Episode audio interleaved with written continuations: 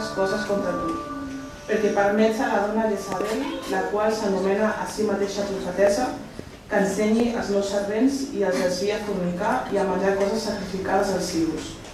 I li vaig donar temps perquè es penedís de la seva fornicació i no es penedí. Heus aquí la llanço en un llit i els qui s'adulteren amb ella en una gran tribulació si no es penedeixen de les seves obres. I els fills d'ella els mataré amb la mort, i totes les esglésies sabran que jo sóc el que examino els ronyons i els cors. I donaré a cadascú de vosaltres segons les vostres obres.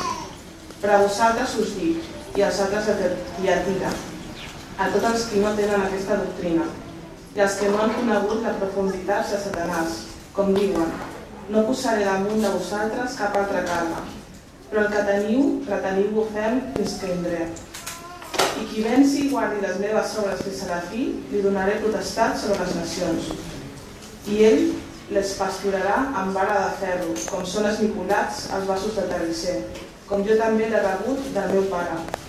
I li donaré també l'estel del matí. Els qui tingui orella, que escolti què diu l'esperit a les esglésies. Hola i benvingut al podcast de Ciutat Nova, una església protestant al barri 22 arroba de Barcelona.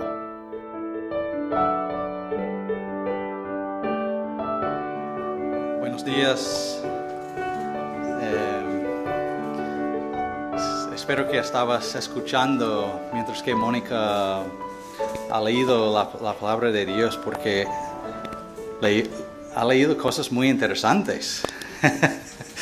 y vamos a intentar tocar todos los temas que, que vemos en, en esta carta. Como sabéis, como ha dicho Gido antes, estamos en una serie de, de mensajes en- del libro de Apocalipsis, las, las siete cartas de Jesús a siete iglesias que hoy en día es Turquía. Y el motivo del libro es animar a las iglesias que están en medio de persecución y luchas y dificultad en seguir a Cristo. Em, por eh, el nombre de la carta es, la carta a la iglesia en Tiatira, que era un, bueno, en comparación con las, las otras cartas, las otras ciudades que recibieron cartas, es, es una ciudad mucho más pequeña, mucho más desconocida. Eh, y de hecho hoy en día sabemos mu- muy poco sobre Tiatira.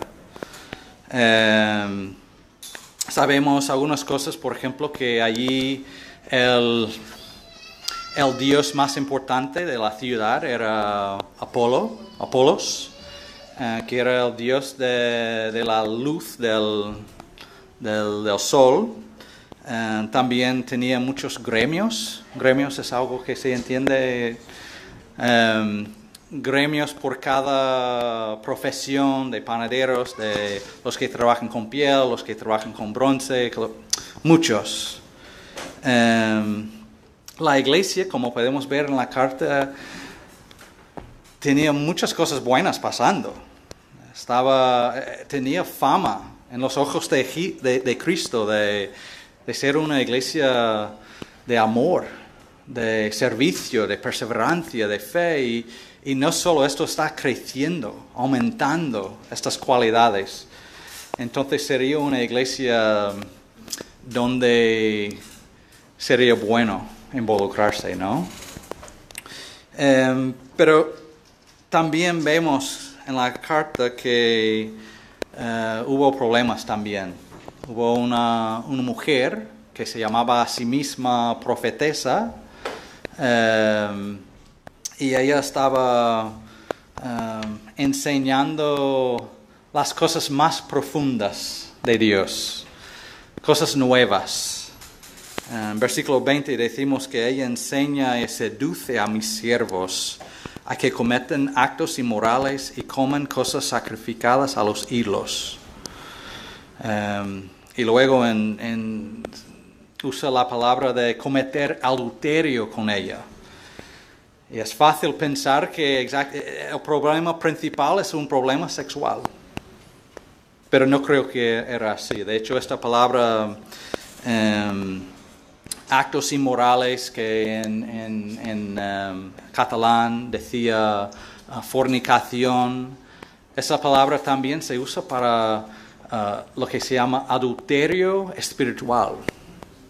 Es abandonar a Dios por otros dioses. Em, en la Biblia a veces Dios se ve como el marido de su espo- esposa, que es la iglesia. Y la iglesia tiene que ser fiel a su esposa como el marido. Dios es fiel a su esposa. Y cuando vamos um, buscando otras cosas para reemplazar a Dios, cosas como hoy en día, no, alabamos a, a- a madera de cosas creadas como, como vemos en, la- en el Antiguo Testamento, pero sí, a veces buscamos reemplazar a Dios con cosas como el dinero, la aprobación del hombre, eh, el éxito, eh, el poder, eh, cosas que pensamos que nos van a dar una identidad, nos van a dar felicidad, nos van a dar una, una vida mejor y no confiamos en Dios para cuidarnos, para darnos esta, esta identidad que tenemos en Él. Em, entonces, esta profetesa estaba enseñando a, algunos en la iglesia, haciendo discípulos en la iglesia, eh, causándoles a cometer eh, adulterio espiritual. Em, cuando hablé sobre los gremios antes, algo que tenemos que entender es que eh, los gremios fueron muy importantes en Tiatira. Em, de hecho, si no formabas parte de un gremio, era muy posible que luchaste para ganar dinero, para tener suficiente para vivir. Em, era la manera de, formar parte de la comunidad y, y- y ejercer tu profesión. Y sin el gremio fue muy difícil. Entonces, esto no tiene que ser un problema, pero el problema resulta, se, encuentra en cuando en los gremios eh, se mezclaban la adoración de los dioses falsos, presentaban sacrificios a los dioses falsos. Entonces se puede ver la, dificultad de seguir a Cristo en este contexto. O perteneces a un gremio donde tienes que adorar a un Dios falso, o no, y tienes dificultad de sobrevivir, de, tener trabajo, de ganar dinero. Entonces, ¿qué debe hacer un creyente? Bueno, esta mujer, esta profetesa, tenía una solución. La solución era que había recibido nuevas cosas, nuevo entendimiento de Dios, no sabemos exactamente, pero eh, decía en alguna forma que sí, los creyentes sí pueden participar en gremios y pueden ser fiel a, a Cristo. Se puede mezclar las cosas. Puedes tener las dos cosas sin problema. En el texto también dice que la, eh, se llamaba Jezabel. Eh, no creo que era su nombre en realidad. Creo que eh, refiere a Jezabel del Antiguo Testamento. Y esta, esta profetesa era una mujer tipo como Jezabel del Antiguo Testamento. Jezabel del Antiguo Testamento era hija de un rey pagano. Se casó con un rey de Israel, eh, un rey del pueblo de Dios, eh, que se llama Acab, rey Acab. Eh, y Jezabel introdujo, introdujo la idea de adorar a Baal, un Dios falso al, al pueblo de Dios. De hecho, tenía más de 800 profetas en, en Israel que ella apoyó a ellos. Y si los profetas de Dios de verdad intentaron hablar mal, hablar de la palabra de Dios en contra de Baal y los profetas, ella ejecutó a ellos. Ella decía, sí, se puede adorar a Baal y a Dios al mismo tiempo. Se puede mezclar las cosas. No hay problema en hacer esto. Pero la, la Biblia enseña que eso es peligroso. Eh, de hecho, un comentarista dijo, participar en una fiesta de ídolos nunca es un acto neutral. Mediante tales rituales, la gente se abría a las fuerzas de las tinieblas y al engaño que acechaban tras los ídolos. Participar en tales celebraciones eh, pone en peligro la lealtad de un discípulo a Jesús como Dios. ¿Veis la dificultad? Ella estaba enseñando y diciendo, sí, no hay problema.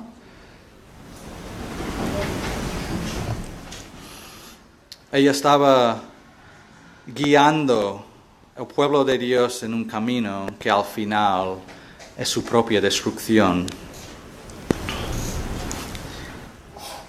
Y la palabra de Dios a la iglesia es, ¿por qué estáis tolerando esta mujer? ¿Por qué estáis dejando que ella enseñe esto dentro de la iglesia?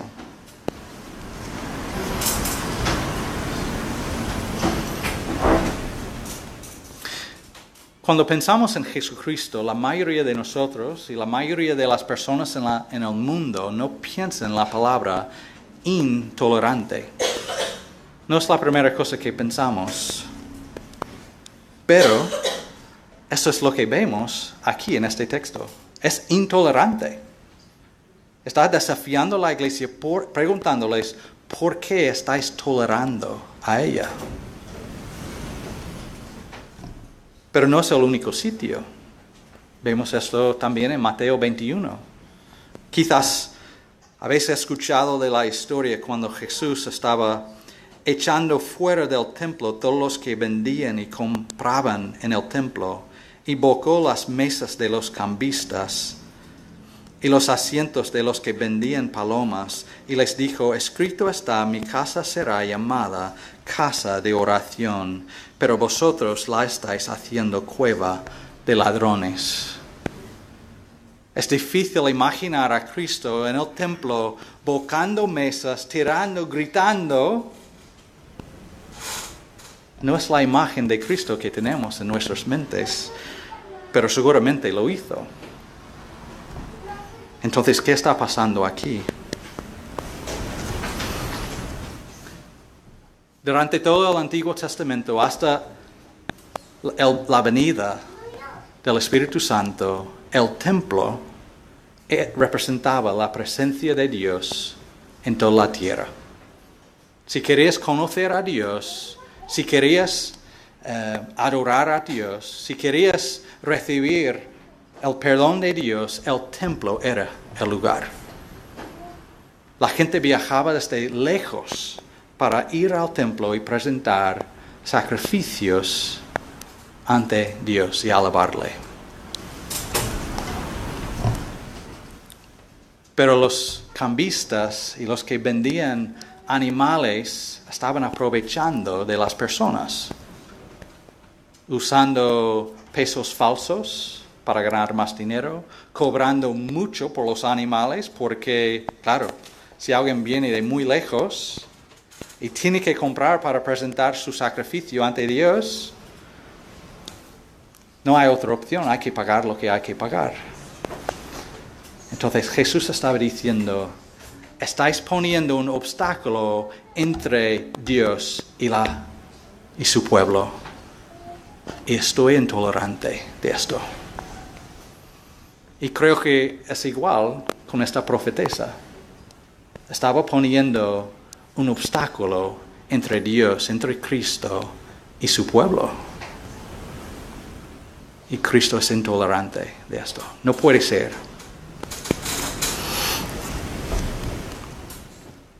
Su deseo es que conozcamos a Él y andemos con Él.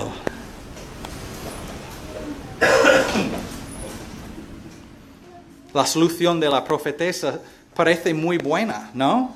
Ah, sí, puedo, buscar el dinero y seguir a Cristo. Puedo vivir para la aprobación de hombre y seguir a Cristo. Puedo buscar la, el placer como solución a mis problemas y buscar y seguir a Cristo.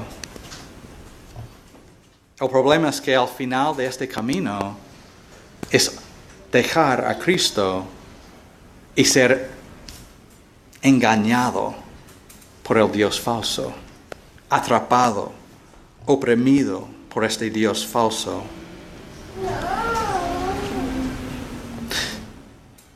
Sobre los años en el seminario, bueno, en el seminario estudié sobre la historia de, la iglesia, pero también la historia de la filosofía y cómo han cambiado las ideas de filosofía sobre los años.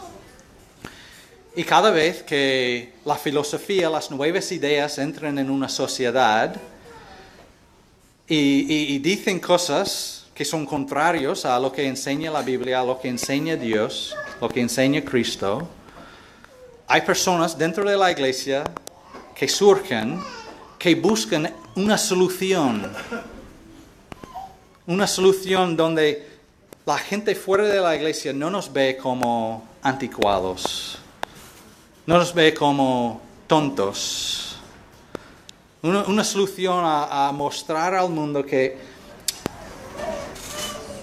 encajamos. Y el resultado de hacer esto siempre es dejar al lado a, a Cristo. Y lo que se puede ver si estudias eso a través de la historia es que la verdad de Cristo nunca cambia, pero los- las ideas que se encuentran en la sociedad, las filo- filosofías, cambian cada dos por tres. Son ellos que cambian, no Cristo. Cristo se mantiene verdad.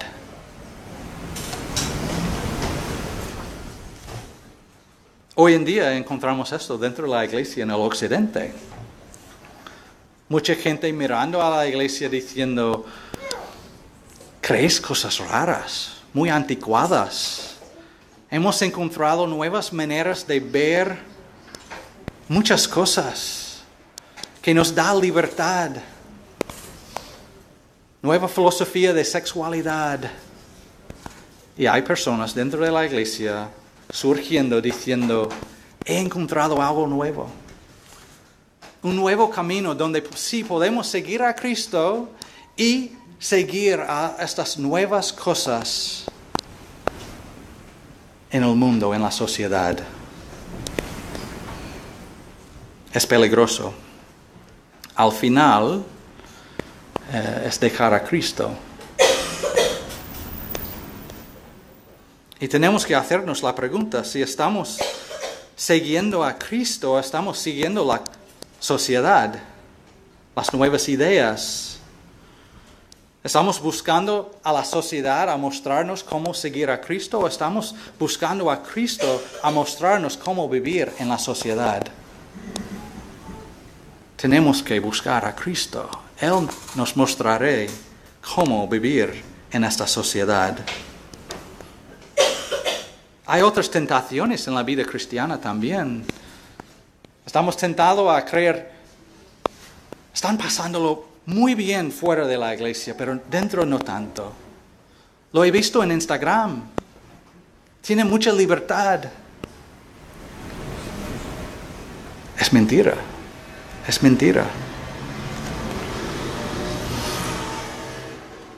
Esta carta a la iglesia en Tiatira es un- una advertencia a nosotros. Solo hay un camino que nos lleva a una vida abundante, a una vida eterna. Y es el camino con Cristo. Todos los otros caminos nos llevan a destrucción. No estoy diciendo que sí podemos llegar a ser perfectos en este mundo. Claro que no. Claro que no. La pregunta es, ¿a quién estamos siguiendo? ¿Quiénes palabras estamos escuchando y creyendo? En Juan capítulo 6, Jesús está enseñando a sus discípulos algunas enseñanzas difíciles de creer. Y algunos discípulos decidieron abandonar y apartar de él y no andar con él. Y los que quedaron con Cristo, Jesús dijo, ¿queréis iros también? Y el apóstol Pedro dijo, Señor, ¿a quién iremos? Tú tienes palabras de vida eterna.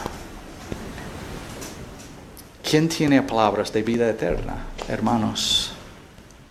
Vamos a pasar el resto de nuestro tiempo mirando a Cristo. ¿Quién es en esta carta? La iglesia estaba encontrando tentaciones.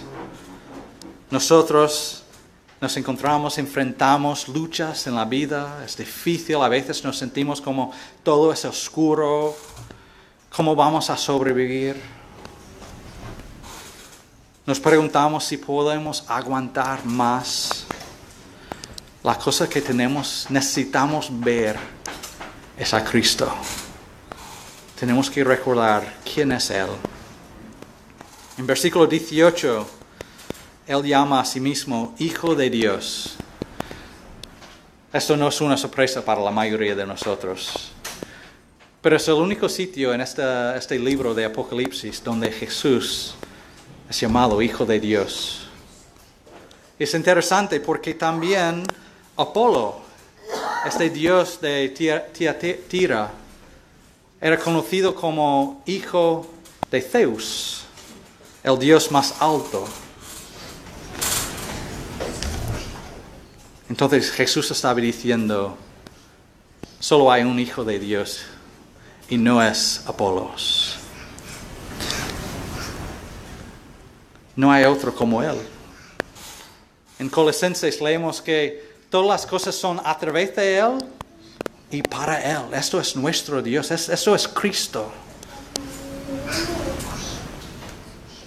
Él, Jesucristo, vino a nuestro mundo para entregar su vida para nosotros. No hay otro Dios que ha hecho esto, que está dispuesto a hacer esto. También en versículo 18 dice que tiene ojos como llama de fuego esto es lo que espero en el libro de Apocalipsis, ¿no? una imagen fuerte como este. Quiero animaros que Jesús ve y ve todo. Es muy consciente, ve todo lo que está pasando en Tiatira, todo lo que está pasando en la iglesia. Sabe y ve lo que es malo y lo que es bueno. No hay nada escondido de él. Incluso nuestros corazones y nuestras mentes. Los ojos de Cristo ve todo. Para algunos esto puede ser algo de terror que te da, que, asusta. Porque sabemos que Cristo es el que, que juzga. Pero también puede ser algo que, es, que da confort porque nos ve en medio de nuestras luchas. Y Él nos ama, nos ama tanto, que está enviando una carta a nosotros para, animarnos en medio de nuestra lucha. Él, él nos ve y está hablándonos en medio de nuestra lucha. Y como he dicho antes, nos ve en nuestra situación y vino para salvarnos para ofrecer una solución que realmente funciona. Versículo 18 dice que tiene pies semejantes a bronce bruñido.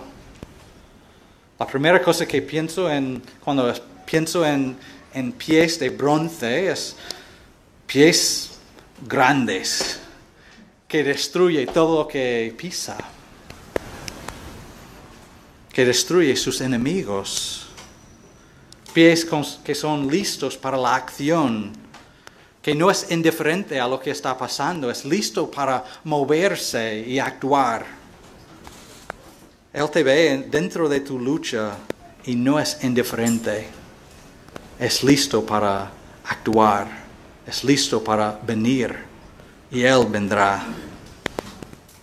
Me acuerdo hace unos años uno de mis niños estaba sufriendo bullying en el colegio y algo surgió dentro de mí. Yo quería cuidarle, pero también quería ir al colegio y hablar con este niño. ¿Sabes? Al final no fui. Gracias a Dios, no era buena opción. Pero me sentí como, metes con mi niño y metes conmigo. Cuando pienso en los, los pies de bronce de Cristo, eso es lo que pienso. Como Cristo está diciendo, metes con mis niños, metes conmigo. ¿Lo crees? En medio de tu lucha, Cristo está mirándote, guardándote, protegiéndote. Dios te ve, es listo para actuar. Versículo 21 dice sobre esta profetesa, le he dado tiempo para arrepentirse. ¿Sabes? No, no es lo que esperaba ver en esta carta. Le he dado tiempo para arrepentirse. Incluso con ellas, paciente, dándole tiempo para arrepentir, para volver a Él. En Éxodo 34, versículos 6 a 7 dice, el Señor, el Señor, Dios compasivo y clemente, lento para la ira y abundante en misericordia y verdad, el que guarda misericordia a millares, el que perdona la iniquidad, la transgresión y el pecado, y que no tendrá por inocente al, culpable. Dios es lento para la ira es paciente con nosotros en medio de nuestra lucha, en medio de rebelión, dejándonos tiempo, dejando al mundo tiempo para volver a Él, para arrepentir. Pero el hecho de que Dios es misericordioso, compasivo, clemente, lento para la ira, no es decir que no es un Dios que no es justo. Es justo es lento para la ira, no es que no va a tener ira. Dice que no tendrá por inocente al culpable. Esto es nuestro Jesucristo, es nuestro Dios. Está llamándonos y llamando al mundo a volver a Él.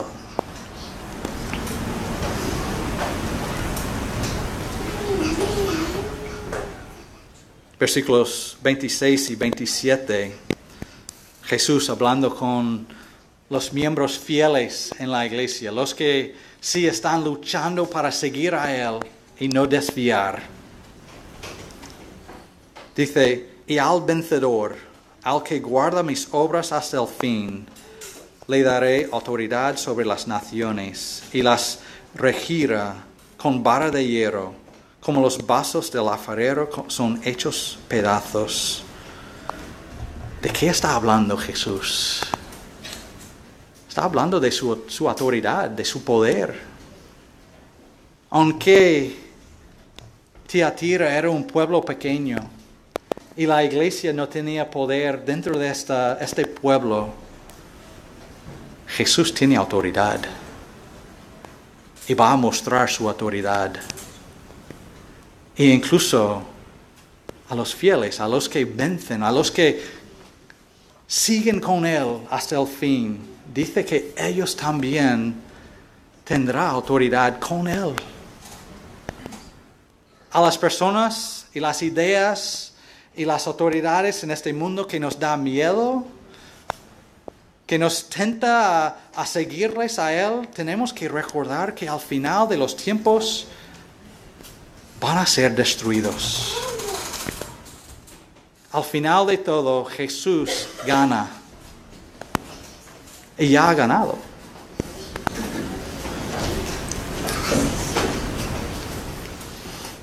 Qué cambio de perspectiva, ¿no? Qué cambio de perspectiva. Y en versículo 28, también hablando sobre los en la iglesia que, que siguen fieles, dice que, y le daré un lucero de la mañana. ¿Y eso? ¿Qué es un lucero de la mañana?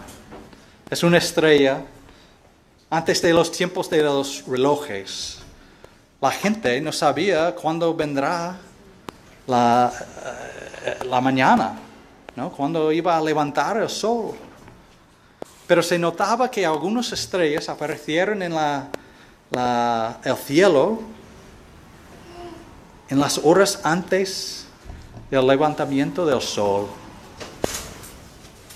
Y estas estrellas se llamaban lucero de la mañana, anunciando que un, nuevo día al punto de comenzar. incluso cuando todo es muy oscuro, viendo las estrellas, sabía que la luz estaba en camino. Pero ¿qué es esta luz? ¿Qué es esta, esta estrella de mañana? En Apocalipsis 22, 16 leemos que Jesús es el lucero resplandeciente de la mañana y ya ha venido. Ya es al punto de venir otra vez, hermanos. La mañana eh, llegará pronto. Es nuestra esperanza en medio de las tinieblas, en medio de la tentación, en medio de la oscuridad. Si te sientes pequeño, si te sientes como las tentaciones son demasiado fuertes y, quieres ceder tus caminos a los caminos de la sociedad, del mundo, quiero animarte a fijar tu vista en Cristo.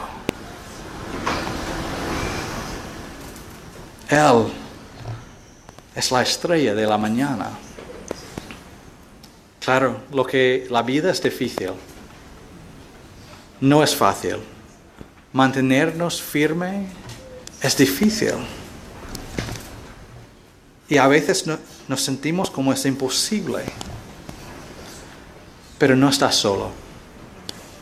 Jesús te mira, te ve, es listo para actuar, para venir y vendrá la luz es al punto de llegar, hermanos.